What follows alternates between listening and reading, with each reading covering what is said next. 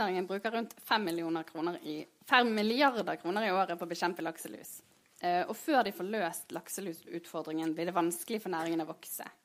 Men hvor åpen er egentlig oppdrettsselskapene for nye løsninger og ny teknologi?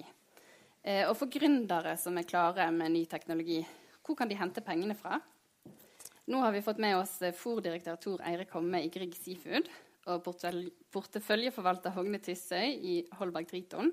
De investerer i børsnoterte sjømatselskaper. Og så har vi fremdeles med oss Fredrik Kyrkjebø, som er medgründer og prosjektleder i Ekomerden. En applaus til alle tre.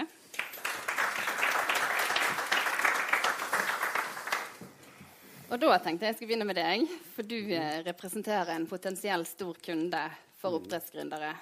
Eh, og i hvilken grad er dere åpne for nye ideer og ny teknologi? Det, det er vi jo i stor grad. Eh, som en del av denne næringa som historisk sett har vært eh, veldig jeg må jo si innovativt. Eh, så, så, er vi fortsatt det. Eh, men det er jo ganske målretta, det vi for det, det, er mange henvendelser. Mm. Og hvordan bør en oppdrettsgründer gå frem for å kunne få kontakt med et selskap som dere? De bør, eh, de bør, eh, det er mange henvendelser, så de bør eh, forberede seg godt. og de bør sette seg inn i hva egentlig Hvorfor de skal tilby det de har å tilby. og så gjerne fortelle veldig kort også hva hva de da hva, de ønsker å, å, å, få til. Og til slutt så kanskje jeg forteller hva løsningen er. Eh, for den dippetutten den er ikke så mye verdt hvis ikke den løser et problem. Nei. Og, Nei. Du, og Vi snakket sammen på telefon på forhånd, og da sa du at kanskje man bør vise noen resultater først. At man kan ja, det, gå en det, annen vei enn å komme rett til deg. Ja, det, det er veldig, veldig, bra. Vi hadde en tilfelle der eh, der det var noen som ønska å, å, få til å, et eller annet. Og, og, De visste ikke helt hva, og de visste ikke helt hvem og visste ikke helt hvordan strukturen skulle være. Og vi har egentlig ikke noen prosjektavdeling som kan sette folk på. Vi, vi, la, vi produserer laks, eh, og det er det. Eh, men, men næringa har jo et, et, et, forskningsfond. Vi betaler inn en viss sum av det vi, de eksportverdien. Eh, og det heter FHF. Eh, og de har en helt åpen søknad. Eh, så har du en god idé og beskriver den, så kan man søke midler der. Men gjerne da med et sånn letter og intend fra en oppdretter. Men da har den, har den, en struktur på det, og så har den en, en mission å gå for. Og det, det, det hjelper veldig hvis den har gått den veien før de kommer til oss. Men igjen kortfatta. Vi liker ikke mange Og når man er kommet ett skritt videre, du hører han sier den største utfordringen har vært å få inn eh, investorer. Uh, har du noen tips til hvordan man kan gå frem for å få inn kapital og investorer som oppdrettsgründer? Ja, jeg er gründer sjøl. Har start, vært med å starte Holbergfondet i 2000. Så vi er en 17 år gammel bedrift her i byen. Så vi vet litt om det også fra egne erfaringer. Men i tillegg til det som du nevner, så startet vi for to år siden et globalt sjømatfond som investerer da bare i børsnoterte selskap. Og Det er fordi at et verdipapirfond, som sikkert de fleste vet eh, litt om her, men i hvert fall i korthet, hva er det for noe? Jo, det er et åpent investeringsfond som alle kan kjøpe andeler i hver dag. Og Det er klart Da er vi avhengig av at når vi investerer i selskap, så må de være likvide. slik at når du har penger i vårt fond, så vil du få de tilbake igjen når du ønsker de. At vi da kan selge de underliggende aksjene. Og Derfor så kan vi, kan vi i hvert fall i liten grad investere i illikvide eller unoterte selskap. Men til det ellers du spør om, så er det et stort tema. Fordi at det med kapital uh, er jo, ja Det er ikke bare i denne næringen at man sliter med tilgangen på det. Generelt sett så vil jeg jo si Min bakgrunn er at jeg har jobbet som investor og forvalter og rådgiver i, i, hele mitt liv. Så jeg har jobbet veldig mye med investeringer og sånne ting. Og det er alltid et problem så lenge du bare har en idé og ikke har en inntekt og en kommersiell eh, produkt. Med en gang du har det, så er det liksom en helt annen verden. Når liksom pengene begynner å renne inn, og omsetningen kommer, og alt dette her, så er det eh, i hvert fall mye større tilgang på kapital. Og det er klart, Når bedriften vokser og blir noe større, eh, med det kanskje kan trekke til seg et bredere publikum, så kan en jo gå i retning av kanskje en børsnotering. Men det er klart det, det, er ofte en lang vei å gå. Eh, de fleste børsnoterte selskap er ofte både 5, og 10, og 15 og 20 år gamle før de blir børsnoterte. Noen går det veldig raskt med hvis de har en veldig god idé og en veldig lett kommersialiserbar idé. Så kan det gå veldig fort. Men i, eh, i normalt tilfelle så går det ofte mange år fra idé til, eh, til selskapene det, enten er selvfinansierende ved at de får inntekter av det produktet de har, eller at de blir så store at uh, de går gjerne med underskudd, typisk, som vi også hører tilfellet her, i noen år før de blir lønnsomme. og Da er de avhengig av kapital. Og dessverre, bankene er jo sånn at de, de, gir det paraplyen når det er sol, og så trekker den tilbake når det regner. Så eh, bankene er ofte sånn i sånne tilfeller at de skal jo eh, også se det samme. De skal se at bedriften er lønnsom og har god økonomi og sterk balanse og stor organisasjon før de vil låne det penger. Så det er ofte veldig vanskelig for tidligfaseselskap, som vi kaller det for, til å få tradisjonell bankfinansiering. De skal ofte ha noe pantsett eller et eller annet. altså de må ha noe. Og det er klart, for En bank er jo noe av det mest girete selskap vi kan forestille oss. En bank har stort sett rundt 5-7 egenkapital, og så resten er jo innlån i banken. slik at det er klart de har veldig små buffer å gå på, som gjør at de må tenke veldig mye på risiko når de låner ut sine penger. Det er jo én potensiell eller eh, kapitalkilde. Og så er det jo alt fra family and friends, som vi hører om her, eh, til de som er villige til å ta risikoen og gå i unoterte selskap. Det kan være investeringsselskap, familiebedrifter, andre som ønsker å være med og utvikle noe nytt. Til at industrielle, eh, store aktører velger at ja, dette er så spennende for oss at vi ønsker å være med og løfte dette prosjektet. Det kan, det kan være med å hjelpe vår bedrift. så det kan være den type investorer. Så egentlig det er et vell av investorer.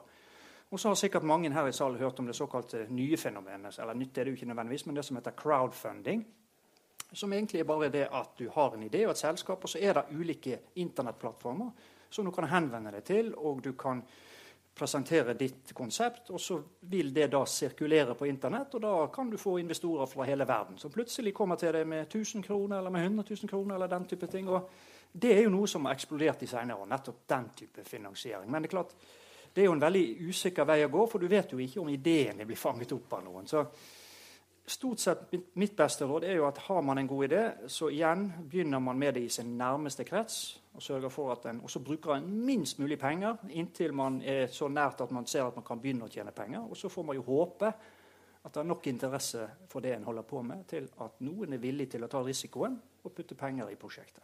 Den crowdfunding som han nevner, er det noe dere har vurdert? eller? Mm.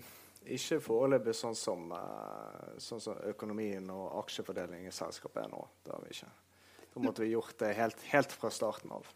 Det er kanskje når man er helt uh, ung og ny holdt på å si at det er mest aktuelt. ja. Men du har gått noe av den veien som beskriver her. Har du noen råd til hvordan man skal uh, få inn uh, de pengene som trengs i en sånn tidlig fase? Mm, det, det, er jo kanskje være helt klar på hva man, hva man skal produsere og hva man skal gjøre. Eh, og hva er markedet potensialet. Eh, og ikke minst det at du har forstått eh, hva som kan gjøre hverdagen til kunden lettere. Du forstår kundens behov. Det er vel en av, en av de viktigste tingene du, du, må ha med når du eventuelt skal presentere det for investorer osv. Klinger det riktig hos deg? Absolutt. Ja, absolutt. Eh, klarhet i hva den skal løse. Mm. mm. Og Tittelen på denne delen av samtalen er klart 'Hva skal til for å lykkes med innovasjon i havbruksnæringen'? Eh, har du noen råd og innspill der? Hva, hva bør man ta utgangspunkt i? Hvilke problemer har dere som Hvilke problemer vi har? ja. Nei, det er jo sagt eh, Den store hiten er jo lakselus. Og vi kjemper mye for å holde den nede på det lovlige nivået. Og i Norge, da. Eh, så lakselus og lukka merder, det er jo eh, Altså, timinga er jo ganske god. Eh, det så ikke sånn ut i 2010 som det gjør i 2017, men det er klart lukka enheter, eller beskytta enheter, deler av syklusen, det er jo noe som jobbes knallhardt med for tiden. Og noe du har tro på kan funke?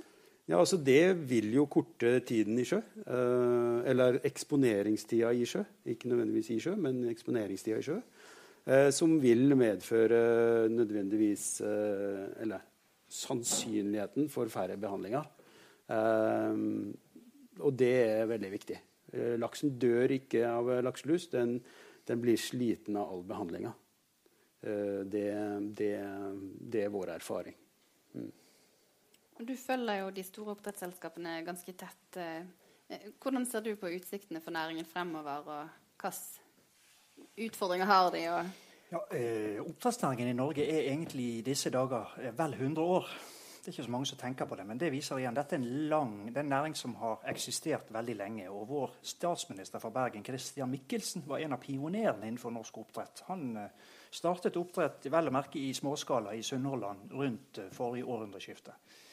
Når det er sagt, næringen, eh, Jeg har fulgt næringen siden midten av 80-tallet. og det er klart, I den tiden har det jo skjedd enorm utvikling innenfor norsk oppdrett. og det er jo jeg, jeg syns vi ofte er litt for negative med innretning, eller med vår holdning til oppdrettsnæringen. For det er et, faktisk et, det er et lite industrielt eventyr, det vi opplever. Og Norge er i dag en av verdens desidert ledende nasjoner innenfor havbruk. Og vi har en fantastisk posisjon. Ja, vi har noen utfordringer med lus og med en del andre sykdommer, og for så vidt et fotavtrykk, som vi kan kalle det for, i den grad at når man, når man har så mye så mange husdyr i arbeid skulle til å si, i oppdrett som en har, så er det klart at dette skaper et eh, avfallsproblem, det skaper en del sykdom og andre ting. Men husk på følgende. I dag så går norsk laks hver dag til et sted mellom 150 og 60 land i verden. Så det er den største kommersielle suksessen av noe slag av, av konsumprodukter som er utviklet i hvert fall her til lands. Og Næringen skapte i fjor verdier for bare på laks på over 60 milliarder kroner. og Hvis vi tar det samlete, så er det jo eh, samlete eksporten av norsk sjømat nærmer seg 100 milliarder kroner på årsbasis. Så dette er, et, dette er et industrielt eventyr, og det er en næring som er bærekraftig. Selv om ja, vi har noen utfordringer som vi skal løse, så er dette dette er en av de måtene vi kan faktisk løse noe av de store utfordringene vi har med et samlet eh, det, eh, enormt behov for sunn mat, eh, mat som er eh, effektiv å fremstille. Ser man på fòrfaktor Dette kan jo noen andre her på eh, mye mer om det kan, men ser en på hvor man, hvor man konverterer det, innsatsfaktorer da, til ferdig konsumentvarer, så er det noe av det mest effektive innenfor all matvareproduksjon vi kan sammenligne med i hvert fall i verden. Og ja, vi, vi, har noen, vi, har noen, utfordringer. det er klart Noen villaksbestander og den slags som helt klart blir berørt biologisk av alt det vi nå gjør med at vi, vi har så store eh, ansamlinger av fisk som vi har. Men i, i mitt hode i hvert fall så er dette en fantastisk flott næring. Noe som vi nordmenn skal være veldig stolte av. Og som helt klart blir sett på internasjonalt med stor interesse. og blir fulgt, og Det er delegasjoner fra hele verden som kommer til Norge for å se hvordan klarte nordmennene i løpet av 30-40 år ta laksen fra det han var, til som sagt, et av de mest suksessfulle sjømatproduktene av alle typer på kloden vår. Så Det, det, det syns jeg i hvert fall vi skal ha med oss. Og når det er sagt, så er det klart vi har utfordringer. Vi har hatt nullvekst i oppdrettsnæringen i Norge hva gjelder volum de siste fire-fem årene. Fordi at vi har vært veldig opptatt av at næringen må løse sine biologiske utfordringer før den igjen skal få lov å vokse. Og Det er jo den veien vi nå går. Vi går i retning av uten, Vi skal ut på havet med oppdrett. Vi skal inn i lukkede merdsystemer. Vi skal delvis på land med tidligfaseproduksjon. Og summen av dette er at Denne næringen kommer til å se veldig annerledes ut hvis vi ser fem eller ti år ned i fremtiden. tror jeg I hvert fall. I tillegg så skal næringen internasjonaliseres kraftig. Det er i hvert fall 10-15 land der ute i, i verden som vi nå er eh, i samtaler med, som helt klart kommer til å satse kraftfullt på attraktiv oppdrett av sjømat. Og de vil gjerne lære mer av hva vi gjør i Norge, både på utstyr, på oppdrett, på regulering, på overvåking. Altså på alle områder er Norge i, dette, i denne sammenhengen har vi virkelig noe å bidra med i verdenssamfunnet. Så, så jeg syns det i hvert fall skal være sånn utgangspunktet. At det er en næring med en uhyre spennende fremtid. Men ja, vi har noen utfordringer, og de må vi løse. Men her, det positive bildet som han danner her i næringen, det er ikke det dere, vi hører om til vanlig. Hvorfor er det sånn, tror du? Nei, Det er jo det at vi blir uh, litt tabloisert, tror jeg. Jeg syns det er fantastisk å høre. Ja, det var... det, det, og, og han har rett. Uh, så, så, uh, så, det er det bildet vi ønsker å formidle. Og, og, det er det vi må bli flinkere til å formidle. Eh, men, eh, men, vi skal jo ikke stikke under en stol at vi, vi, vi har jo et fotavtrykk. Men det, jo, det, det, må vi jo bare ta på alvor eh, og, og, og jobbe med. sånn at det blir akseptert i opinionen, i allmenningen som vi jobber. For den, vi er i allmenningen, som eies av alle, og, og, det må vi ha respekt for. Så, så, det. Er du enig i de, det bildet han tegner her? Ja, jeg, hva skal jeg si for noe? Det er, et ganske vanskelig tema, det der. Det, det, men jeg syns det at, at oppdrett i Norge, det er jo en, en fantastisk historie, egentlig. Mm. Du, du, du, produserer jo vanvittige verdier langs hele kysten. Uh, på plasseringer der du aldri trodde du kunne produsert noe som helst. Um, og, og du, du, du, selger laks som, som, er, som, er, sunt å spise, og du distribuerer det til hele verden fra lille Norge. Bare, bare det som selger er en fantastisk historie. Sånn at uh, jeg syns oppdrettsnæringen har fått ja, ufortjent med mye um, dårlig omtale med det. Det, det, er min personlige mening. da. Um, men uh, jeg tror det handler litt om at, uh, at, det må være et samspill her. da. At, at som, som, sagt så er kons konsesjoner jo allmennseie. og det er viktig at allmennheten lytter til oppdretteren, og at oppdretteren lytter til allmennheten også. Det er et samspill der. Og nå er det lakselusutfordringen som gjør hovedsakelig at man ikke får vokse. Og noe av det som skal løse den utfordringen, er utviklingstillatelsene som er utlyst. Og Der er det nesten 50 konstellasjoner som har søkt, og mm. dere er en av de. Eh, mm. kanskje du forteller litt først om hvilket konsept dere eh... Jo, vi har søkt om et, eh, et, havprosjekt. Det skal ligge Det er en betongmerd. Uh, den er 408 meter i omkrets. 130 meter eh, i diameter. Den er, består av eh, to store ringer som vi senker ned. Eh, seks meter høye, tre meter hver av de. De ligger nede på en 11 meter. og Over det så er det bølgedemper. Den skal tåle signifikant bølgehøye på 11 meter. Ligger opptil tre mil ut av kysten. Den eh, skal forankres i bunn eh, med såkalt strekkanker. Det er en sånn patentert eh, oljegreie som de bruker i to plattformer som har det her. Lange stålrør som du fester i disse ringene. Og så tar du og nederst så har du noen anker som, som du fester i bløtbunt med noen sugekopper. Og så senker du ned denne ringen her og så, med å fylle vann i den. Og så tar du og pumper det ut igjen, og så smukk, der står den.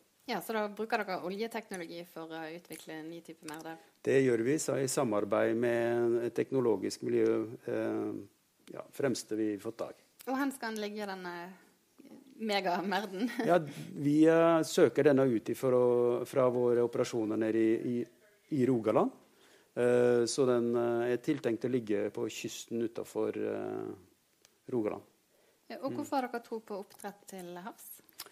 Nei, nå er denne utlysninga det det det går i. da, Å ta i bruk eh, nye areal. Eh, og ta Hele utlysninga går på ny teknologi, nye areal og løse eksisterende utfordringer. og Dette her skal du på en måte kombinere. da. Og da, da, er det jo blitt over, ja, rundt 50 søknader som du sier nå, da, med ulik eh, til, eh, tilnærming til dette. her. Veldig mye spennende. Noen går jo i lukka, og da kan du jo fortsatt være i, i fjordene. Eh, og kanskje ta i bruk noen av fjordene som ikke er det allerede. Mens en del av disse her går jo ut i, det, i åpne hav og, og sterke krefter. Mm. Og Hvordan tror du sånne havfarmer vil påvirke det norske laksemarkedet? Ja, Det skal bli veld, veldig spennende å se. De første prosjektene som, som her er inne på, de er jo allerede i, i, under kallet konstruksjon. Så det er vel SalMar som blir det første. kan man si. Nå skal jo ikke det ligge helt i åpent farvann, men det skal tåle vel en bølgehøyde på rundt fem meter. Og, og skal ligge da Eh, utenfor Midt-Norge. Men eh, her kommer jo en, eh, flere. og Jeg, jeg, jeg sier jo det, jeg, tror, jeg syns myndighetene er litt for tilbakeholdne med, med, med sin, sine konsesjonstildelinger. For dette er, dette er nybrottsarbeid. Ja, det er høy risiko knyttet til det. Men når næringen selv er villig til å putte milliarder i nye, spennende konsept og utvikle og, og, og, bringe næringen vår lenger frem, så syns jeg det er litt rart at ikke man skal få anledning til det. Eh, men det er helt klart, dette har noe med politisk styring å gjøre også. At kanskje myndighetene har gitt litt for uklare rammer i forhold til disse konsesjonene. Og Ergo så blir jo Fiskeridirektoratet her i Bergen, som skal, skal, evaluere dette, her, de blir usikre på dette. her, og Derfor bruker de veldig lang tid. og Det vet jeg skaper stor frustrasjon i veldig mange av selskapene, som, som ønsker jo vitterlig å komme i gang med spennende nyutvikling og nye teknologier. Når det er sagt, så er det klart at dette er, eh, dette er virkelig nybåtsarbeid. Altså, tenk deg at bølgehøyden Du skal ikke langt ut i Nordsjøen før du har bølgehøyder både på 10, og 15 og 20 meter. På signifikant basis, i hvert fall. Og det er klart det er krefter i sving da som, som, på en måte, de er enorme. Eh, og bare nevne ett eksempel. På Færøyene så var der anlegg som lå skjermet i forbindelse med vinterstormen vi hadde rundt årsskiftet. Som, eh, som, eh, som rett og slett, jo, altså Det var ikke det at merdene gikk i stykker, men da var det ca. 6-8 meter bølgehøyde. Men all fisken i disse merdene døde. For det klart ble sånne enorme hivbevegelser at, at, at og, og, dette er ting som vi er nødt til å, å, å på en måte erfar, ta erfaringer med og, og, arbeide med. Og I tillegg klart disse konstruksjonene her, de skal, skal tåle enorme krefter når havet begynner å jobbe med det. Og Det er nok å se på se på hva skip og plattformer som vi har mye erfaringer med, de, hvilke dimensjoner de må ha, og, og, og, hvilke robusthet de må ha. Men at vi kommer til å lykkes med dette, her, det er jeg hellig overbevist om. Det er kun snakk om tid. Men det kommer til å ta noen år. Eh, så dette vil ikke gi noen, noen særlig volumvekst, tror vi i hvert fall, før du ser tidligst 1920 eh, i, i denne omgang. Men, men, da kan det begynne enkelte av disse utviklingskonstruksjonene utviklingskonsesjonene begynne å bety noe. Så vil jeg også si at Det er en veldig dynamikk her, som jeg var nevnt innledningsvis. Det er veldig mange land nå som er oppmerksom på at uh, havet er et sted hvor vi, ja, vi har enorme uutnyttede uh, ressurser. Og, så jeg tror jo vi skal Vi, vi ser eksempelvis Japan er interessert i landbasert oppdrett. De er veldig, veldig restriktive med, med, med åpne, åpne merder. Eh, Kina er allerede i gang med lakseoppdrett. I, i nordøst, i, i Bohai-bukten, så, så, er det allerede prosjekter både i sjø og på landbasert oppdrett. Her var nevnt her f.eks. Australia og New Zealand. Har en produksjon i dag på 30 000-40 000 tonn samlet sett. Så, og her er det en hel del regioner som kommer. Island kommer. Der er jo både norske og islandske interesser i gang. og De, de ser ut til å være på sporet til en en, eh, en, produksjon i, løpet av få år på nærmere 50 000 tonn. og Så her kommer en del andre aktører. Men i sum og, og, så vil i hvert fall lakseproduksjon sånn som vi ser det, kommer til å være relativt eh, kontrollert og ligge på de volumene vi i dag ser de nærmeste to til tre årene. Og Det er faktisk noe som skaper en del utfordringer. For det er mange i dag ute i markedet som ikke får den laksen de etterspør. Delvis fordi at den er for dyr, og delvis fordi at rett og slett man er utsolgt i perioder. Så, så, så, så, skal vi få til en, en, videre utvikling av laksemarkedet, som jeg tror er enda betydelig potensial i. Det er jo nok å tenke Kina, som nå åpner seg for norsk eh, laksenæring. Kineserne spiser, altså Totalt i verden i dag så eh, produserer vi 180 millioner tonn med sjømat. Alle tenkelige typer. Kina alene står for 65 av de millioner tonnene. Når vi da vet at norsk totalvolum av alle tenkelige fiskeslag og oppdrett er ca. 2,8 millioner tonn, så setter dette tall litt i perspektiv hvor store markeder vi nå plutselig får tilgang til. I tillegg er Russland i praksis stengt for norsk oppdrettsfisk. Det er iallfall bortimot det. Så det er klart det er store markeder som kan utvikles av norsk, uh, norske næringen. Jeg kan også til slutt nevne Marine Harvest sitt spennende prosjekt i USA. I samarbeid med Walmart så har de nå rullet ut i 3000 varehus store ferskvaredisker med med både norsk sjømat, men også et komplett tilbud av hvitfisk og, og rødfisk og alle typer ting. Og for de som fulgte med i hva som skjedde i Tyskland, når Marine Harvest og Lera gjorde noe tilsvarende, så økte laksekonsumet på fem år med syvgangen i, i, det tyske markedet. Og nå snakker vi USA, som tross alt er et marked som er fire ganger større enn en, en Tyskland. Og Amerikanerne spiser altfor mye kjøtt, altfor lite fisk, så her er vi også med på å bringe helse inn i i et epidemisk eh, overfett eh, Amerika, for å si det enkelt. Så verden er klar for norsk laks?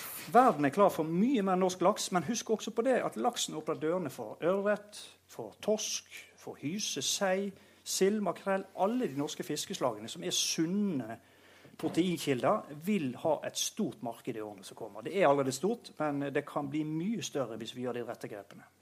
Og Hogne sa her i sted at oppdrettsnæringen er en helt annen om fem til ti år. Eh, hva tror du, Hvor er dere da, og hva er dere? Eh, vi er nok eh, i de samme områdene. Eh, vi er, men eh, det utvikler seg nok eh, med at vi, har, eh, vi må ha mer kontroll på en del av produksjonen. Eh, vi vil nok se denne type løsninger vokse fram i deler av produksjonen. Og det Ogna nevnte det òg. Vi investerer på land. Vi dobler produksjonen på land i, i, i Rogaland nå. Ferdig til sommeren. Og vi setter i gang forsert nå fram et år. Setter i gang i Finnmark og, og dobler landproduksjonen der. Så, eh, og, så, dette er et resultat av at vi vil korte ned produksjonssyklusen i åpne merder i sjø og um, redusere risiko. Mer fisk og slaktebenker. Og Da tenkte jeg skulle åpne for eh, spørsmål fra salen, hvis det er noen som har det. Og så nærmer vi oss en avrunding. Da har Marit mikrofon, så hvis noen vil stille noen spørsmål til noen av de som sitter her, så er det liksom å rekke opp en hånd. Bergen er jo laksehovedstaden i verden. Og eh, Universitetet i Bergen har jo en rektor som var ganske framoverlent i å skulle tilrettelegge flere studier rundt eh, nettopp laksenæringens behov. Et av de studiene er jo det nye sivilingeniørstudiet havbruk og sjømat. Hva vil Grieg bruke kandidatene derifra til? Ja, de har eh, fire år igjen å gå, så vi kan jo tenke litt.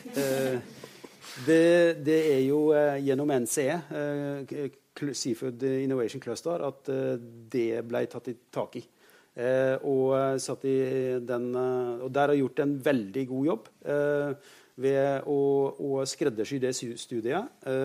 vi definerte og begynte å jobbe med det studiet fordi at vi tror på at ja, vi trenger spesialister. Men vi trenger også noen kandidater som ser litt helhet. Samspill mellom teknologi, biologi, fiskehelse, marked eh, og, og, eh, og, hele pakka. Eh, og det fikk den sydd sammen i det studiet, og universitetet fikk det etablert på ekspressfart. helt fantastisk, for de omdisponerte noen studieplasser osv. Og, og, da, og, og det er i gang. så vi um, er spente på uh, de kandidatene, og vi tror at de vil uh, få en, en utdannelse som, som vil være til stor nytte til helhetstenkning i, i bransjen. Og så lurer du på hvor mange skal vi ansette om fem år. Eh, om to år? Ja, De er vel ikke helt ferdige da, men, eh, men eh, vi Hæ? Ja, det er bra. Det er bra. Stå på. Eh, da, det kan jeg ikke svare på, hvor mange vi vil ansette da. Men vi, vi ansetter folk eh, hele tiden. Eh, både i Norge, Shetland og i, i Canada. Eh, og, og, vi velger gode kandidater å ta med på laget. Vi, vi, har liksom ikke noen de, eh, Fordi at vi lagde dette studiet, så har vi satt to åpne plasser. Eh, men vi er med også på lærlingordninger og vi er med på den type ting. Så vi, vi, vi ønsker at, at studenter og nyutdanna får seg en god start i karrieren. Der, der, har vi jo beklageligvis vært dårlig, litt dårlig i bransjen. Det å få erfaring før du er helt ferdig med et et fire til sju års studie, det har jo vært veldig vanskelig. Det er nesten vanskelig bare å komme på MR. Uh, og det er jo ikke bra. Uh, for det ligger jo mye motivasjon i det uh, å, å, å, komme ut der. Men fiskehelse det er jo også et studie man trygt kan satse på for tiden. og vi trenger kandidater. Mm. Noen flere som har noe de vil spørre om?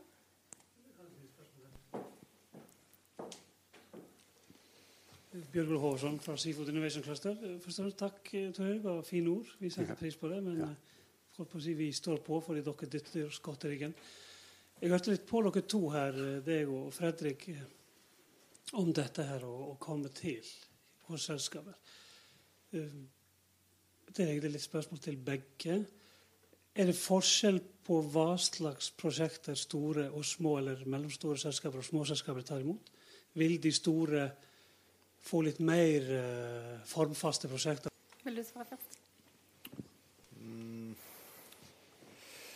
Skal vi se De eh, Det kan hende at, det at de, eh, de, store de, eh, de, har litt større skala på prosjektene de vil gå inn for.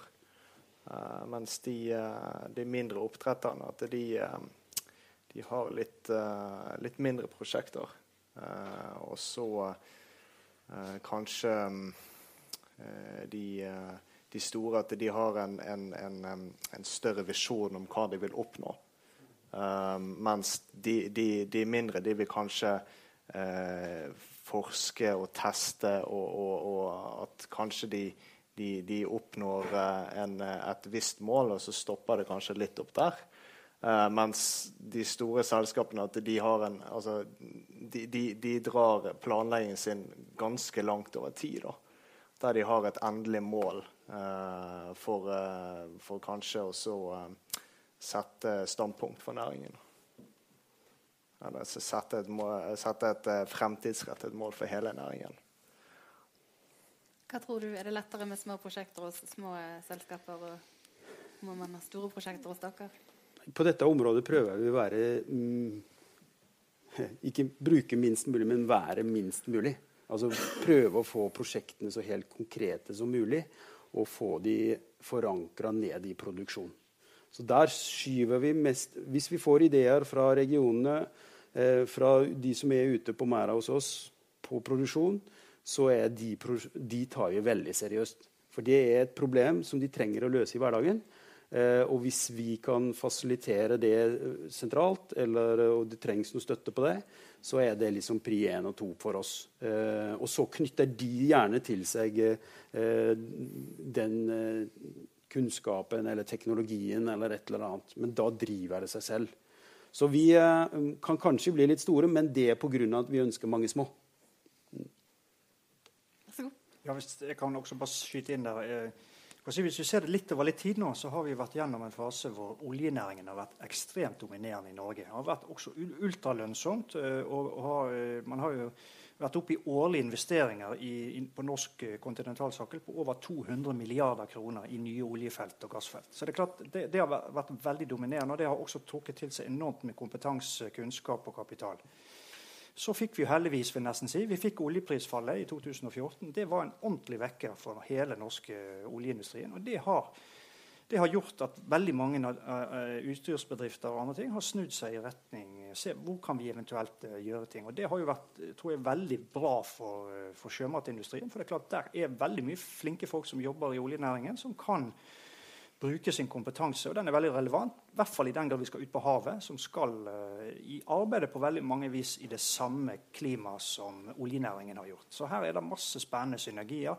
Vi ser supply-båter bli tatt i bruk nå i i, i, i oppdrettsnæringen. Og, så, så, her er det mye uh, spennende som, uh, som, skjer. Og så uh, kan ikke gjenta nok, Jeg tror næringen har fantastiske utviklingsmuligheter på veldig mange områder i tiden som kommer. Men det er klart, man skal ta små steg, og man skal utvikle ting. og man skal være veldig dyktig. Altså Som innovatør så er det, en, det er ofte en kanossagang, for du skal være veldig dyktig, du skal være overbevisende, og du skal vise såkalt proof of concept, at dette virker før næringen som sådan tør å satse på det. Så, men klarer man å komme dit, så tror jeg det er store muligheter innenfor lukkede merdsystemer, innenfor veldig mange deler av verdikjeden innenfor, innenfor havbruk i, i, tiden som kommer. Og mye spennende som skal skje på utstyrsfronten.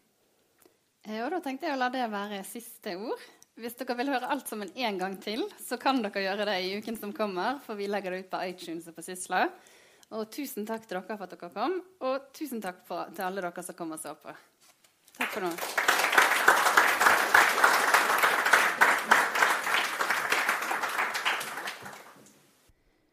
Du har nå hørt andre del av Laksekast live, som ble spilt inn på Litteraturhuset i Bergen nylig. Første del og flere andre episoder av Laksekast, som er Sysla sin faste podkast om oppdrettsnæringen, kan du høre i iTunes, eller din faste podkastspiller. Podkasten er ledet og redigert av meg, Camilla Odland. Send gjerne innspill til camilla alfakrøll sysla.no. På gjenhør.